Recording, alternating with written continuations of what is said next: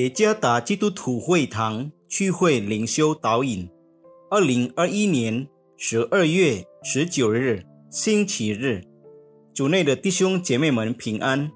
今天的灵修导引，我们要借着圣经诗篇三十六篇第一到十二节来思想今天的主题：在你的光中，我们必得见光。作者曾礼物牧师。诗篇三十六篇第一到十二节，恶人的罪过在他心里说：“我眼中不怕神。”他自夸自媚，以为他的罪孽中不显露，不被恨恶。他口中的言语尽是罪孽诡诈，他与智慧善行已经断绝。他在床上图谋罪孽。定义行不善的道，不憎恶恶事。耶和华，你的慈爱上及诸天，你的信实达到穹苍，你的公义好像高山，你的判断如同深渊。耶和华，人民牲畜你都救护。神啊，你的慈爱何其宝贵！世人投靠在你翅膀的荫下。他们必因你店里的肥甘得以饱足，你也必叫他们喝你乐河的水，因为在你那里有生命的源头，在你的光中，我们必得见光。愿你常施慈爱给认识你的人，常以公义待心里正直的人，不容骄傲人的脚践踏我，不容凶恶人的手。赶逐我，在那里作孽的人已经扑倒，他们被推倒，不能再起来。许多人被困在享乐主义的生活方式中，他们把钱花在昂贵的商品、奢华的食物和迷人的生活方式上，目的是满足自己的欲望，并得到别人的称赞，但他们没有意识到。浪费钱，将来会导致贫困。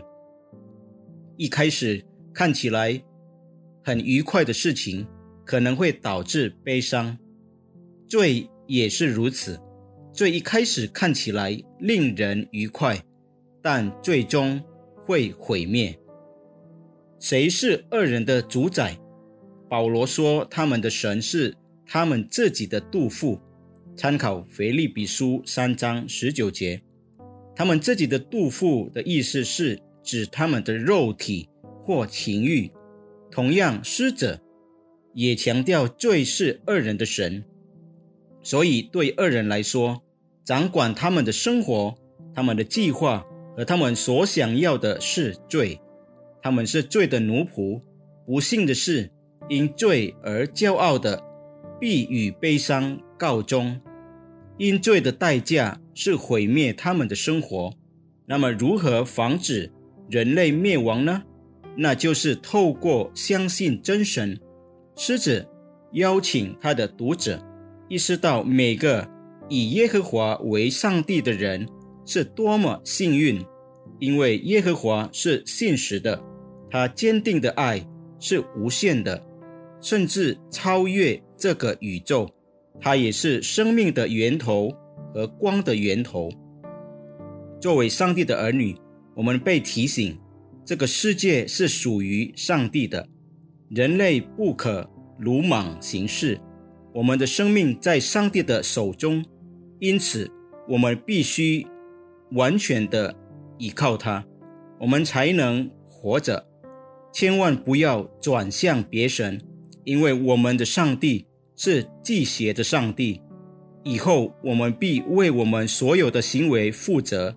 只有透过以基督为中心的生活，我们才能讨上帝的喜悦。